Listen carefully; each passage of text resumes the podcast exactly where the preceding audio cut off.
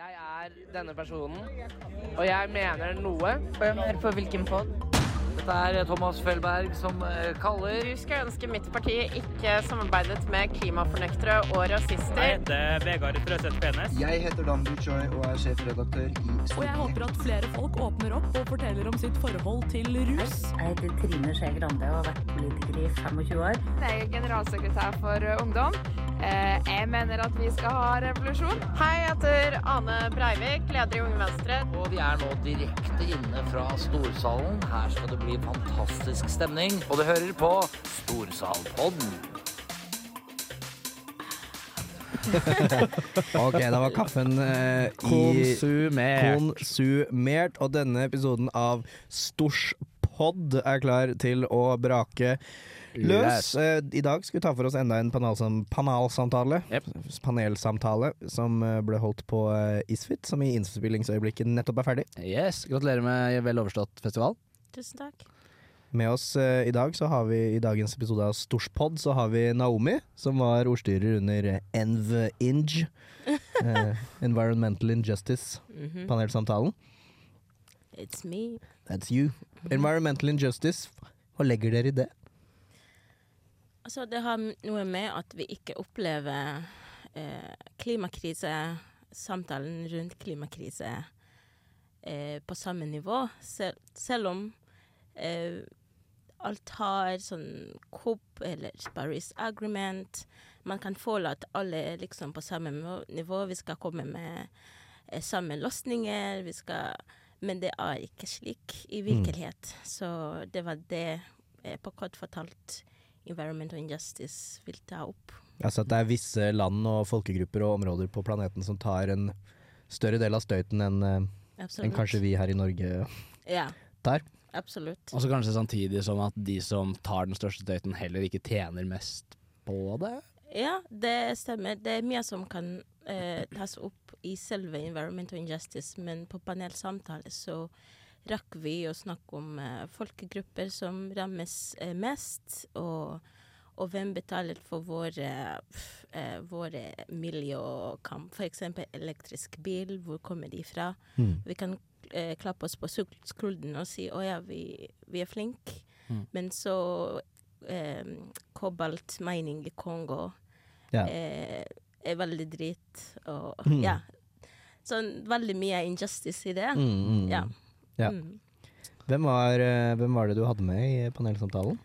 Jeg hadde med mm, no, eh, en samisk eh, professor fra Tromsø som heter Ande Zombie, som joiket også. Ja. Veldig nydelig mann. Um, og så hadde jeg en kenyansk eh, miljøaktivist som heter Abigail.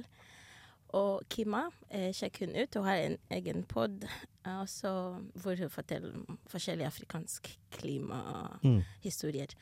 Og til slutt så hadde jeg eh, David Mayende Kitoko fra Frankrike, som er leder for Generation Lumière. Eh, sjekk de ut. De gjør fantastisk arbeid med dekolonisering. Mm. Dekolonisering av Av um, ja, av sånn klimakamp og sånt. Mm. Ja, så det tar opp veldig um, forskjellige samtaler og ja, som ting som kanskje vi glemmer om, Ja. eh, vi i vest. Ja, vi har det så fint, og det kan være veldig lett å glemme Mm. om alle disse del, delene av eh, klimakamp som vi må ta med. Ja, men Skal vi rett og slett uh, gå inn i panelsamtalen, da? Kan vi ikke det, ja? La disse flotte folka ta ordet.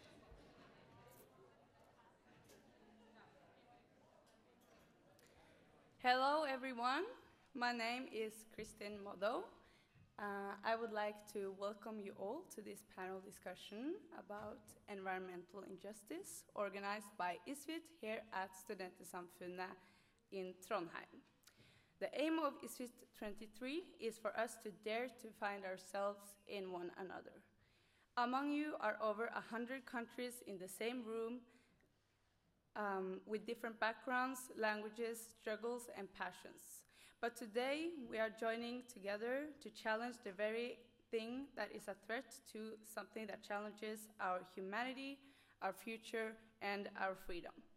Even though we are all at risk of being threatened by the negative consequences of climate change, we also know that depending on where you are from and your income uh, can affect how hard you meet these consequences. That also applies to whose voice gets heard in these debates. For the next one and a half hours, using this conversation only as a starting point, we will challenge what we think we know about climate change, um, the narrative around it, and our individual role in it. Our speakers will tell stories and share experiences which will lay the foundation for your contributions in form of questions afterwards. To begin the conversation, we will start off with hearing a presentation by David Kitoko um, for approximately seven minutes. Um, we will also have a break at 1845 with a yoik performance by Ande Somby. I challenge you to see yourself, your country, and your own future in this panel discussion with Ab- Abigail Kima, David Kitoko, and Ande Somby, moderated by my dear friend and co-volunteer, Naomi Basira. Thank you all for coming today, and welcome once again.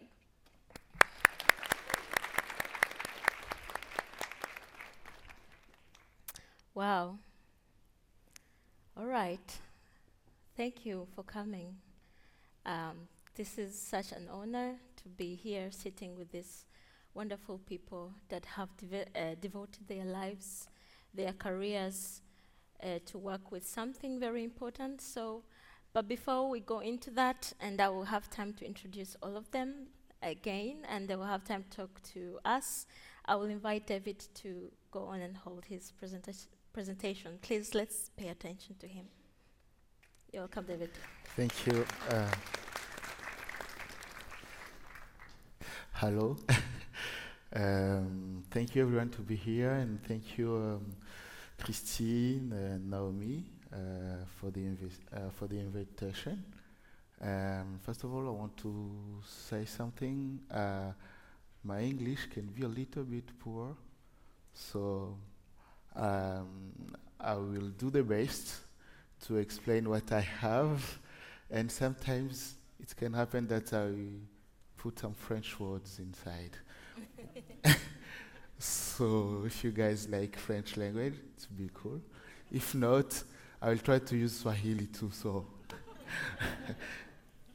well, um, okay, perfect. Uh, how do I use this? Okay, um, and this is in French, so. Um, uh, I want rapidly to, to present uh, myself through some history or, or maps. Myself and the history of uh, my country rapidly. They give me five minutes and I think I use it. So, um, les conséquences de la production d'énergie verte. The consequences of uh, the green energy in D- uh, DRC, in Congo, Republic Democratic of Congo. Um, the anthropologue, uh, is it that? one? Yes. The anthropologue uh, and uh, all those explorer, explorators, when they come in Congo, the first thing they saw in Congo is not our beautiful culture. We sing. I used to say uh, a friend here who is from Cuba that we have something common like music. And those people they didn't see all this beautiful thing. The one thing they saw in this country it was the, uh, the geo- geological thing, uh, minerals. And yes, we have many minerals, as you can see it in the map. Uh, they forgot that it is a big country in the center of Africa, uh, and the population.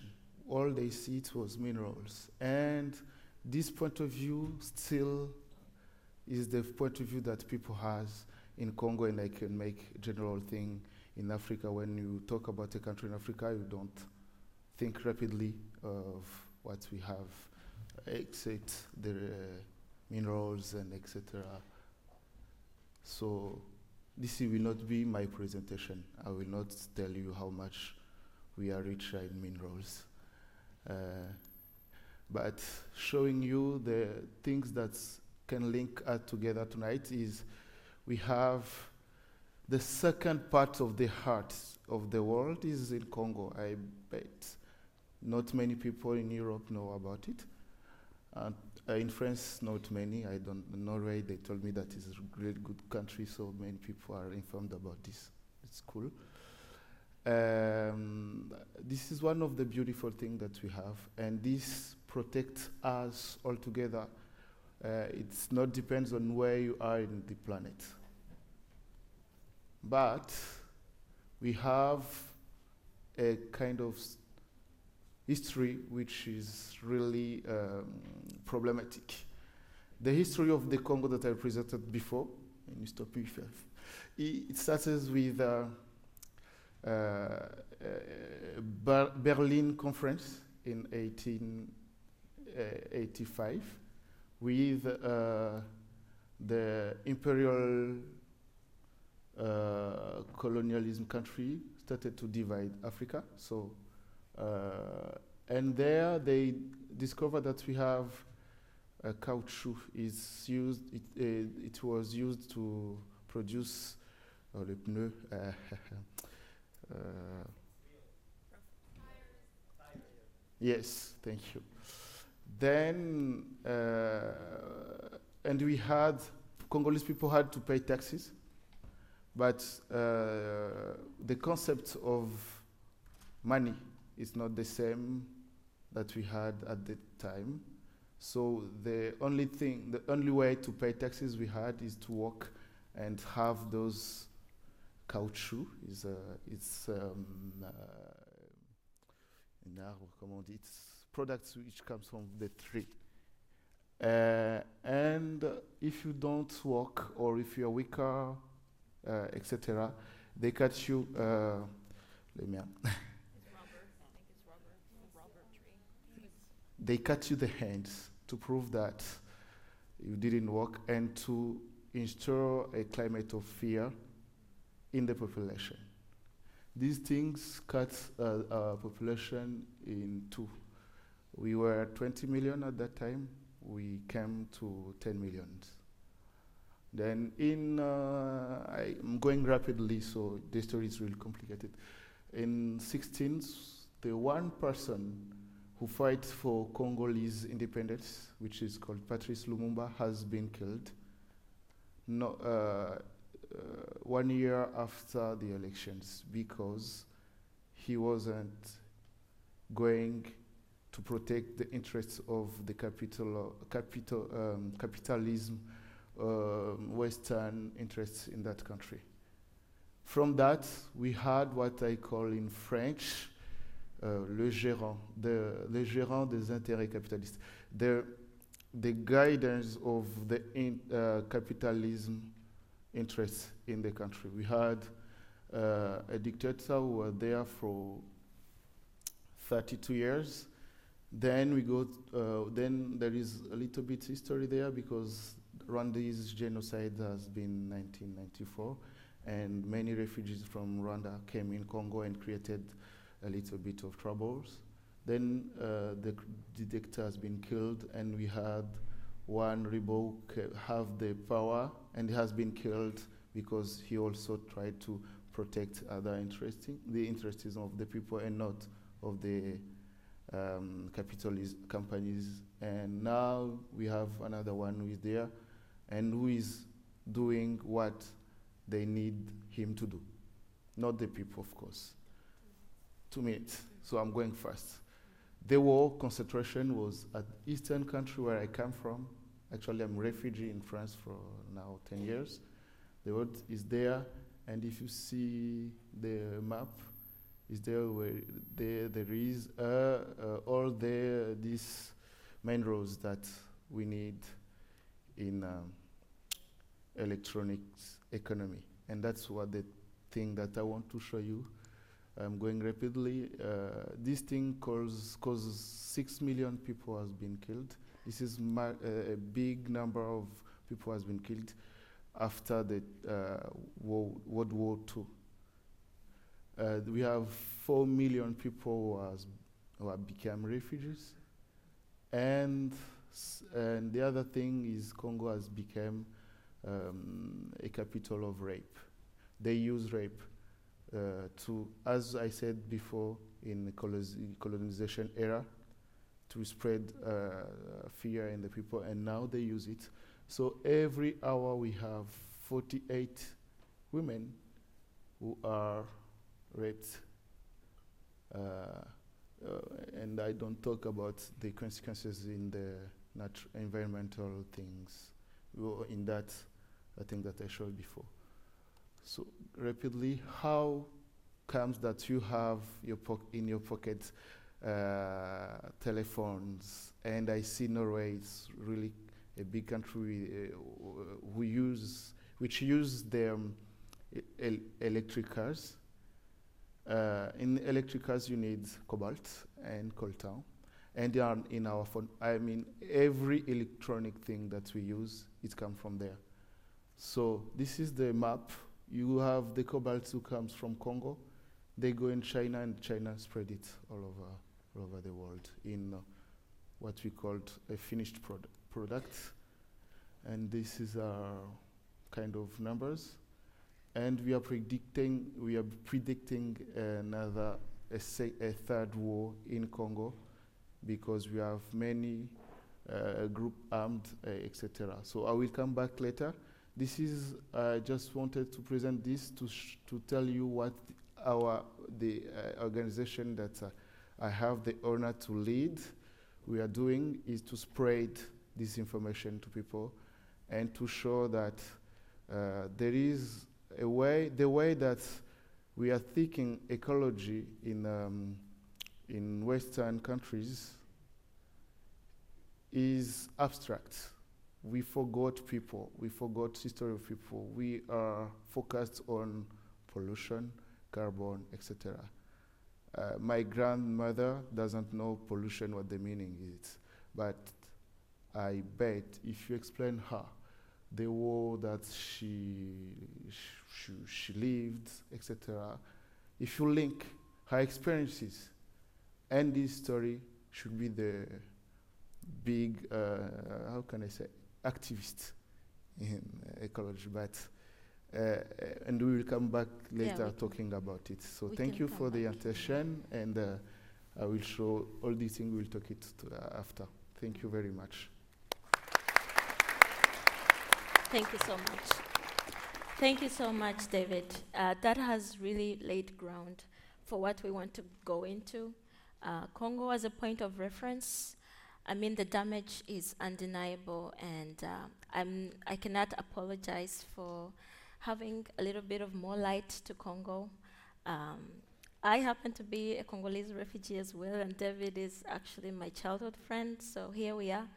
Uh, but today we are also going to look at many things that I believe you will find relatable as well to your own climate fight. And uh, apart from David, we have Miss Abigail, uh, all the way from Kenya. She is a storyteller in her own right, presenting African climate stories. And she recently has been to COP27 in Egypt, and uh, the previous one before that and she will be sharing with us her own, from her own experience, from her own work. And we also have a wonderful man uh, in front of me who is able to light fire in the attic using one matchbox. And I think that is pretty impressive. And that is no other than um, professor of law, um, focusing on indigenous law, environmental law, to be specific, Ande Somby. And um, as if that was not enough, he is also a yoik artist uh, who will be performing a yoik for us, and he will tell us what a yoik is. And uh, but I'm going to start with, um, as like I said, oh, my friend Christine said, today we are going to discuss environmental injustice, starting with you, Abigail. What does that mean for you when you hear that word? What comes to your mind from your own experience, from your own work? Well, thank you so much, and it's an honor to be on this panel this evening, um, coming all the way from Kenya. I grew up in a very forested area in Kenya called Elgeyo Marakwet, which is in the Rift Valley, former Rift Valley provinces of Kenya. And so our main source of livelihood has always been agriculture, and it's the same for most Kenyan communities because our GDP accounts for about 20%, and a big rural population is also dependent on agriculture. So, going to school, uh, my parents had day jobs, but uh, they would also sell farm produce to supplement income from their day jobs. So, I'd say I'm a product of you know farmers. Being able to go to school, my siblings and I, is thanks to agriculture. So, over the years, um, having gone back to where I grew up about 10 years ago, it was very, I was actually shocked at the kind of deforestation that had happened at that point. And I understood. I kind of understood because you know land was cleared for expansion for agriculture because again like i said we depend on agriculture as a main source of livelihood but then at that point i noticed direct impact on our farm because there was a stream that uh, would use that forest as a water catchment area, and that stream dried up, which is what we were using to irrigate the farms. And I know it's such a small thing on face value, but then over the years, you see just how important that particular water source was for us. So um, at that point, I was asking myself, that was in 2015, you know, as human beings, we depend on nature as a main. So I mean, uh, we we depend on nature for many things, natural resources. But then, at the same time, we also need to remember to protect it because we can't keep taking from it and expect it to always replenish us. So at that point, the term sustainability was not really a thing because I was still in high school. And then now, when I joined universities, when you know I could put definitions with you know the names that are being used at the moment. For example climate change sustainability and all those things.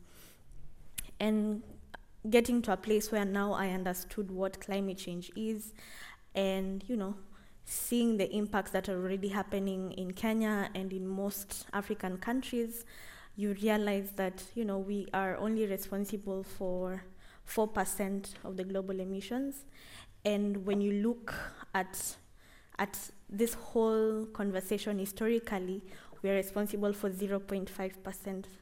So, you know, uh, the, during the pre industrial revolution, so many other continents developed way ahead of us. As we, we learned to live with harmony in nature, we knew what sustainability is without necessarily defining the terms.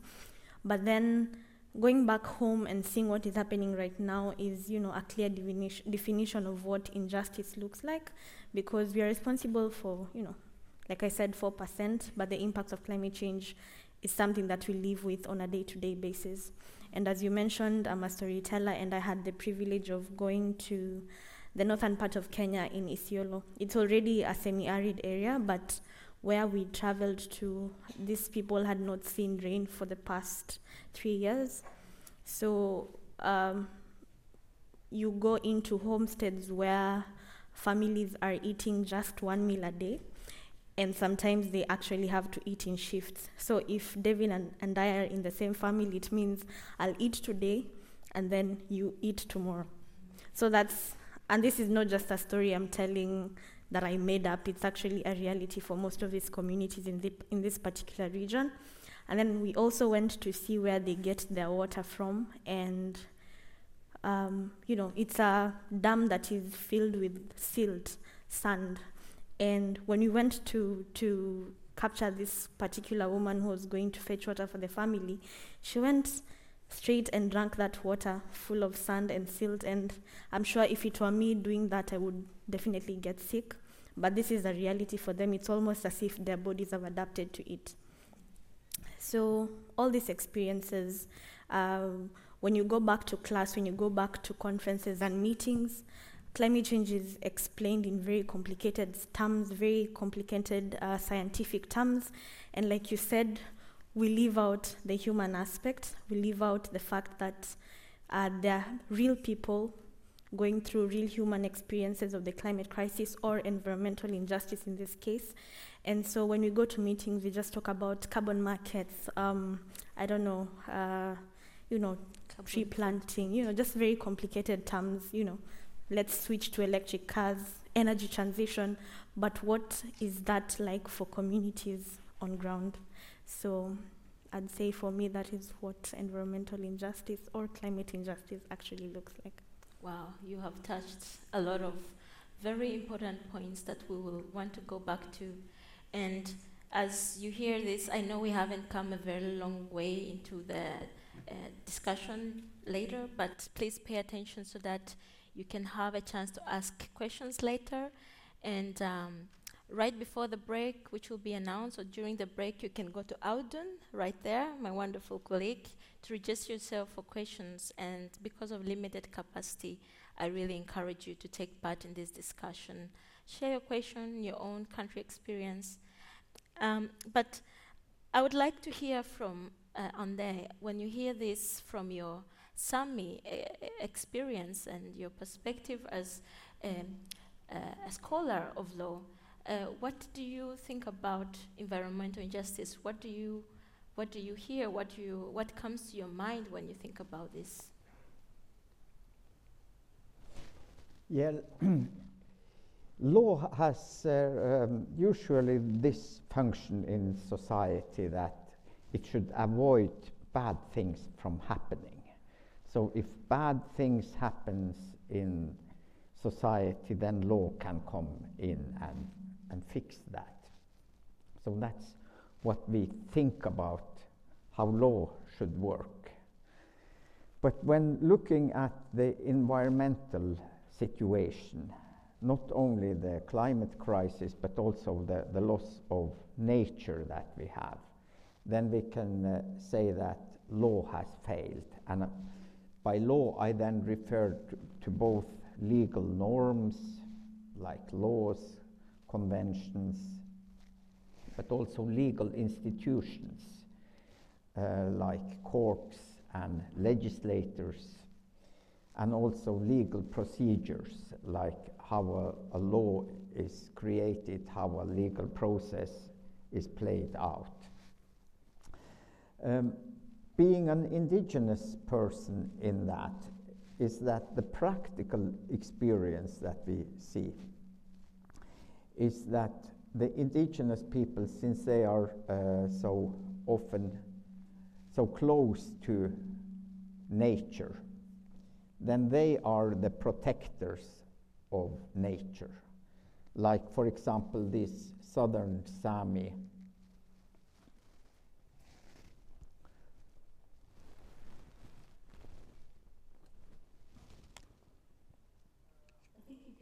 Yeah, the, the southern um, Sami reindeer herders who now are fighting against the windmills. They are at the same time trying to protect the, the, the tundras that are here. And these tundras are the most valuable minerals that are because they uh, will be the wilderness for the uh, people of the future regardless of you are indigenous or not. But uh, it appears like an indigenous issue, this issue of protecting uh, the nature. That same also goes for, for, uh, for uh, indigenous peoples in the Amazon, because apparently they are uh, protecting their daily lives. But in reality, if we deep read what they are doing, then they are trying to, at the same time, protect uh, nature so that it should be preserved for the future uh, generations. Um, what we also see, uh, another um, impulse that we can get from the indigenous uh, societies is that that uh, this will bring scarcity to the, this world. And how do you live through scarcity? um, scarcity of food, scarcity of, of resources. Well, in, uh, for example, uh, we were joking about that to be a real Arctic man, you have to use just one match when you are uh, putting out a, a, fire. And it's a joke with, us, with uh, some seriousness behind because the, uh, the Arctic is a cold world and food can be scarce and water can be scarce also in traditional times. So therefore we have had uh, concepts of justice. Uh, Goksit is a Sami word. Uh, guess what that means? That means that uh, you, for example, eat or drink uh, the food that you have, but you do it in a manner so that everybody gets food, that nobody should eat uh, so that they uh, themselves get full, but you have to sort of distribute. If you eat yourself full and then let others starve, then you have goksan, you have ate in that way.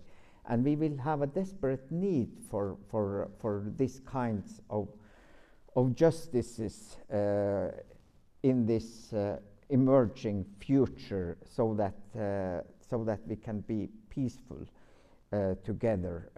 So um, we, what we need um, to, to, to see is that well, um, the nature is in a crisis, but, but uh, if uh, you are close to the nature, then you are, have the ability to have a, a gaze uh, where you can see uh, the possibilities that also are in that.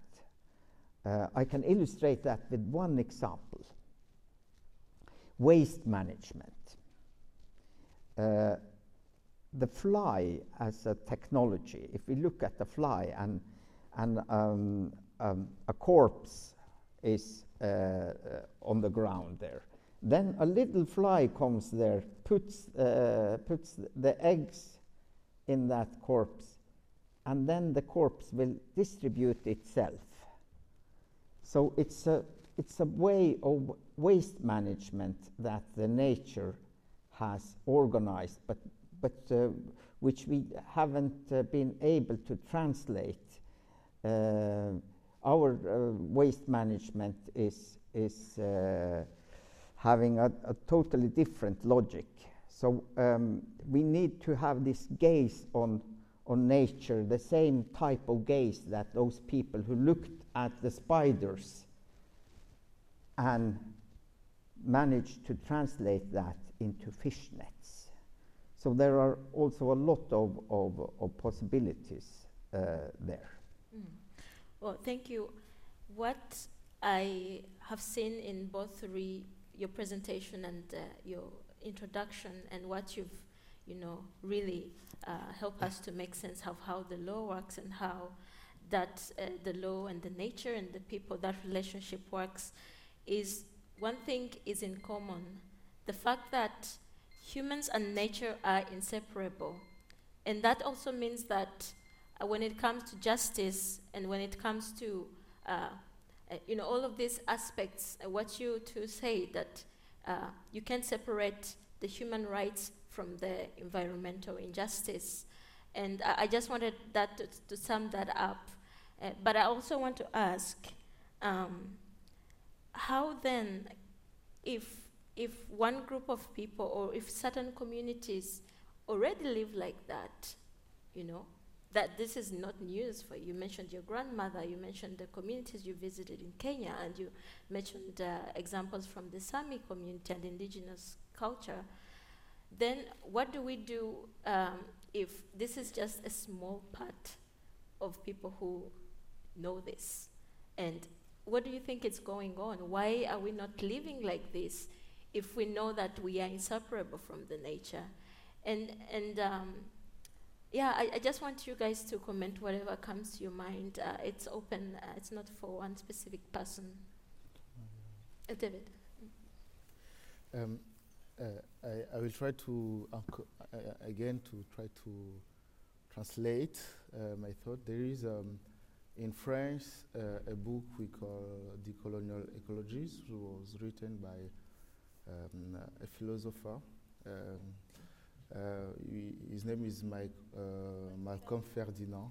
Voilà. He's a really good friend of mine, and what what he shows in that he, highlights um, a double fracture.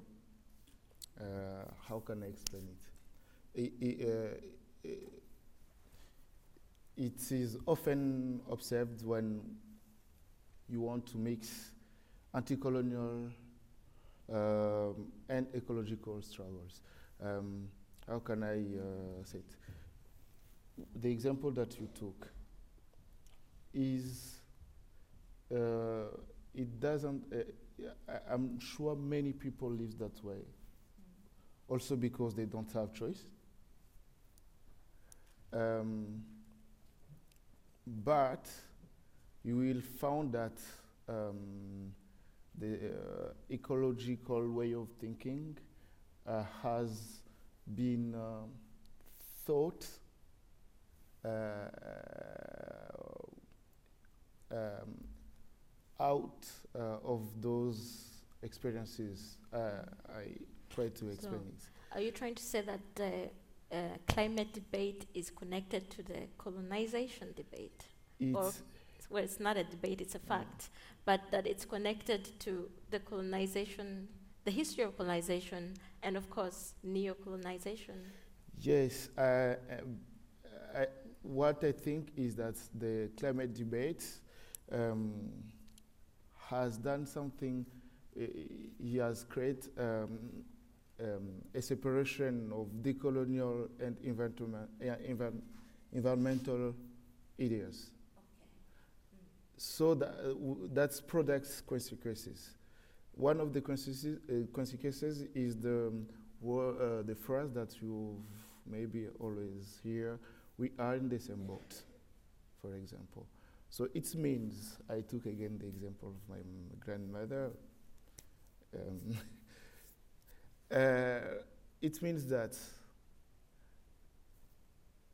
uh, the person like her who lives in Kigali, Rwanda, etc., has the same responsibility in the global warming as the person who lives here and who can take a plane from here to go to New York as she want, as we want. So the global, uh, the, the ecological debates did that thing. So they forgot the decolonial, I can say, uh, uh, they, there is kind of separation and created a kind of um, harmonization, harmoniza- um, uh, homogenization of, uh, of the thing. So that uh, the, the, one of the consequences is that we have, um, um, uh, I, I'm sorry, I wrote it so I can read it, um, is the inability to take into account a large majority of the world's population of the environmental speech. And you will find it in many vocabulary that we use. For example, collapsology. I don't know if here in Norway this is the thing that you have, but in France it's kind of debate that we have.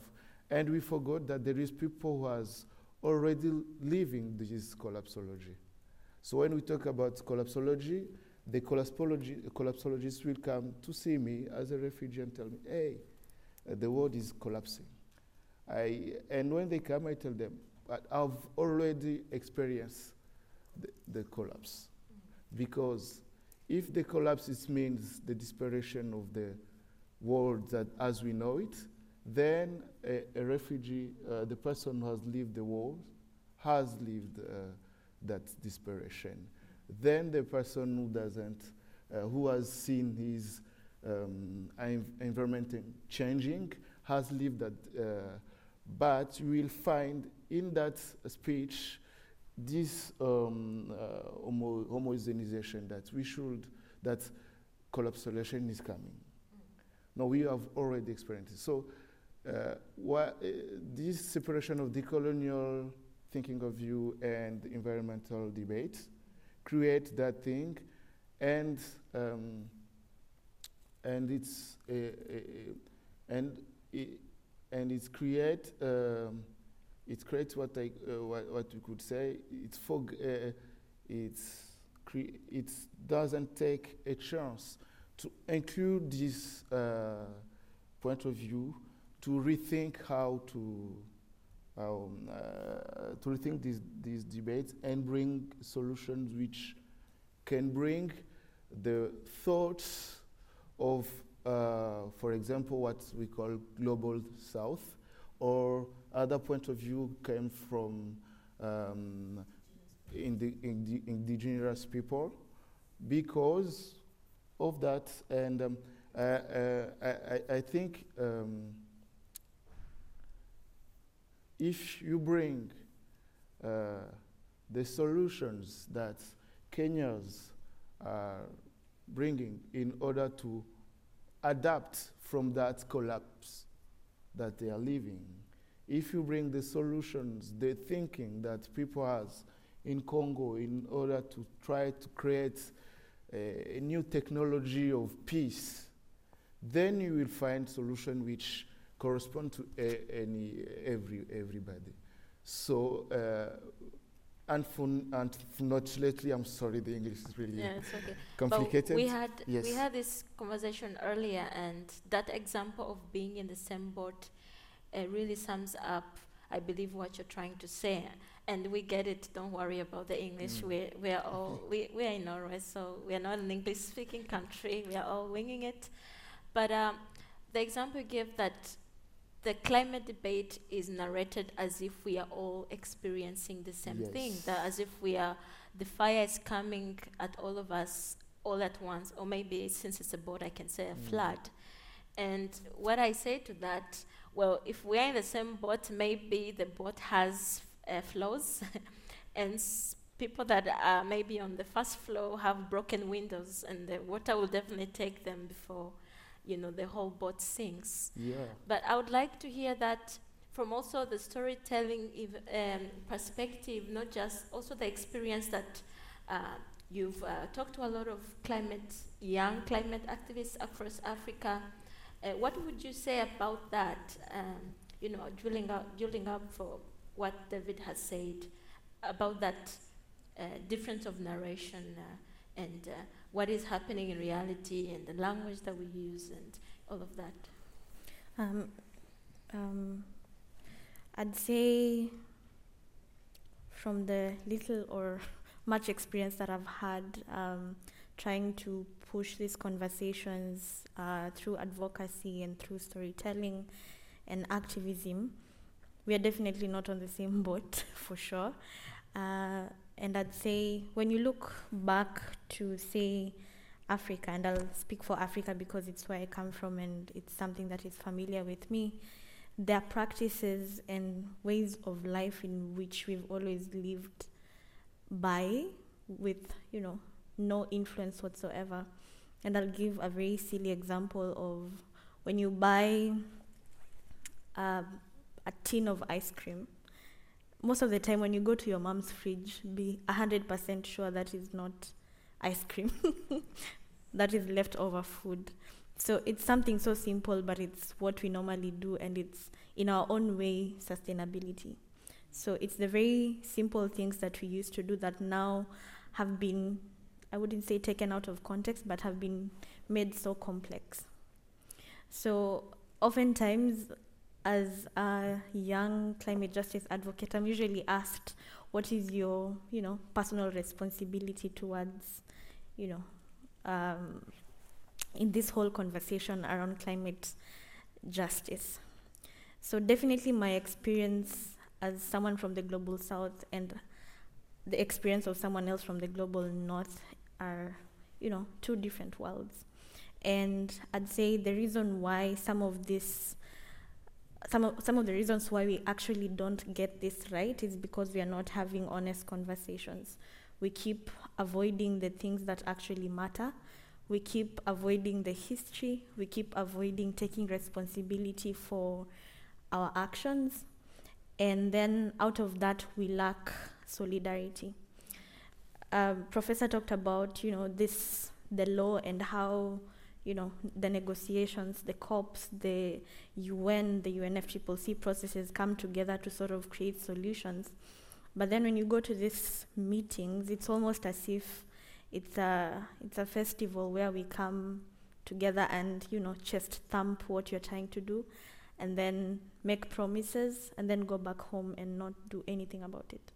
It's like we're going back to business as usual. But then um, we that come to such conferences have really tried our best to bring the real human experiences of communities at the forefront of the impacts of climate change because that is where the conversation matters. And without solidarity and without you know people actually taking responsibility then we miss the point then this whole conversation does not make sense i'd rather we we don't meet every year because honestly it's been 27 conferences and you know last year at COP27 in Egypt, uh, finally we had the loss and damage finance facility. So loss and damage is basically impacts of climate change that can where communities can no longer adapt, they can no, lo- no longer adjust to the impacts that have happened. Uganda last year experienced floods with over 20 people losing their lives and over 100,000 people you know, losing their homes and without access to clean water. So if someone has lost their life, how do you quantify that with money? You know, some of these things cannot be quantified with money. So at COP27, we were also excited that finally we have a loss and damage finance facility. But if, if we're being honest, 10 years later, we'd probably be talking about the same thing, thinking, where does the money come from? And how does this money actually flow to communities that have experienced this? So without honest conversations, honestly, I feel like we should just stop and, you know, be like, let's go back to history. This is what you did. This is who is responsible for this. Then how do we move forward from that? Without going back in time, we are literally mark timing. And that goes back to, you know, that connection between uh, not separating human rights, uh, you know, the past you know, because things happen and they have consequences until now. And uh, and I really love something you usually say on your podcast that you have more hope in communities doing the work than all these conferences and agreements. There is always an agreement, it seems like. Um, I, I, I see, and there you want to say something. Can you please use one minute? Mm. Well, um, I, I think that uh, what we need is to, to understand, to cognize, to have honest conversations. And, uh, and this is also a normative crisis. Uh, for example, uh, the nature religions that has, for example, the Sami shamanistic religion has um, had that as an emphasis. For, for example, uh, where you live yourself into an animal's or an insect's or a bird's life, then you have a, a system of empathy that, uh, that uh, is very important for both thriving in nature and, and be a, a decent uh, fellow being. I'm not saying fellow human being, but to be a decent fellow being uh, in uh, the nature. Um, so, so uh, uh, then we can say that uh, um, it is very important to to to see where we come from. I used to think by myself that human rights are actually three rights. It's the right to a past, it's the right to a presence, to be present here, and it is the right to a future, to have hopes for for what will what will come that that your grandchildren shall be playing around and and and and uh, uh, enjoying life. Um, and and then uh, what we also need to to do uh, is that we have to look at the responsibility. And and we can't get away from the fact that Christianity has a lot of, uh, because it has uh, destroyed the normative systems of different ecological uh, systems where, where people have been living in, uh, in harmony with their, with their uh, environment and, and had, have had a religious system, and then that has been uniformed out. So, so we need to, to uh, have on honest conversations also on that level because uh, honest conversations uh, are not always pleasant uh, conversations where we also have to meet meet um, this friction that will be inside ourselves. Mm. um, uh, I think what you said will uh, get into us uh, actually your next part.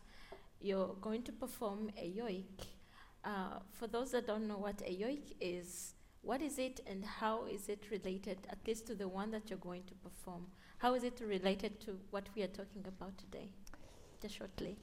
Yeah, uh, the yoiks are the oldest uh, song tradition living in an unbroken tradition in Europe. So it's a it's uh, very old and it has a, a different type of aesthetical standards it organizes time in a different way, like a song has a beginning, a middle, and an end.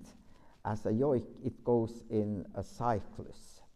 This particular yoik has a little poem, um, um, and the poem says that in a dark world, we need stars so that people who have got lost again can find their way home we are yoiking the star girl because the women are so important.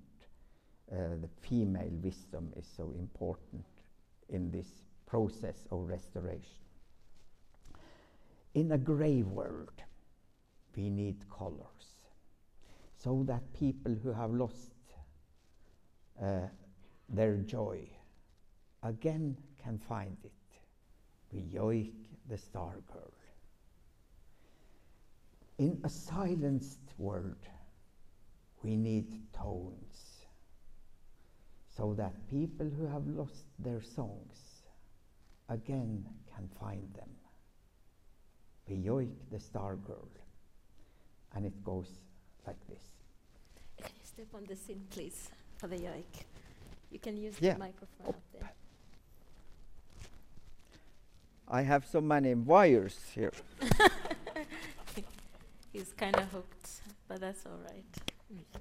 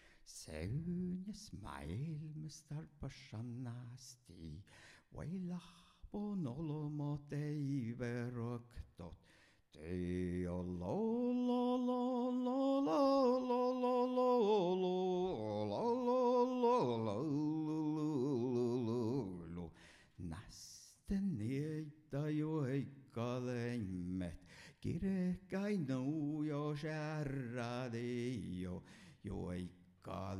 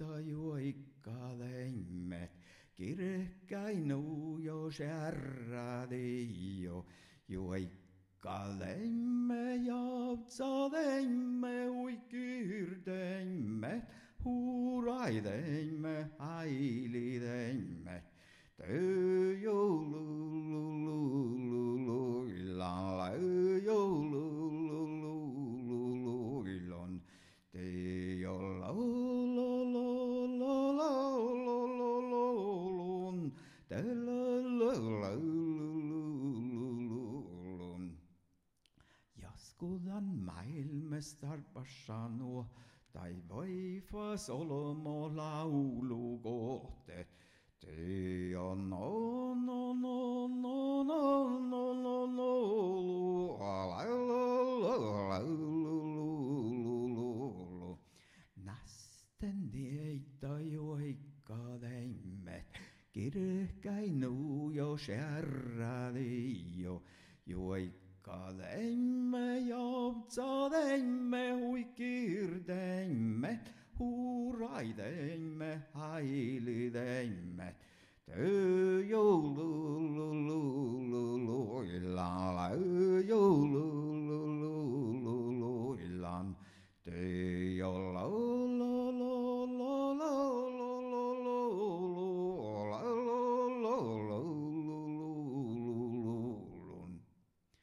Tusen takk skal dere, dere ha. Da har vi hørt uh, panelsamtalen, Andreas. Mm. Uh, Naomi, hva satt du igjen med etter å ha jobbet med det temaet her? Uh, jeg tok Isfit som en veldig fin mulighet til å, å, få flest mulig til å bli kjent med problemstillingen mm. som har spesielt med Kongo å gjøre.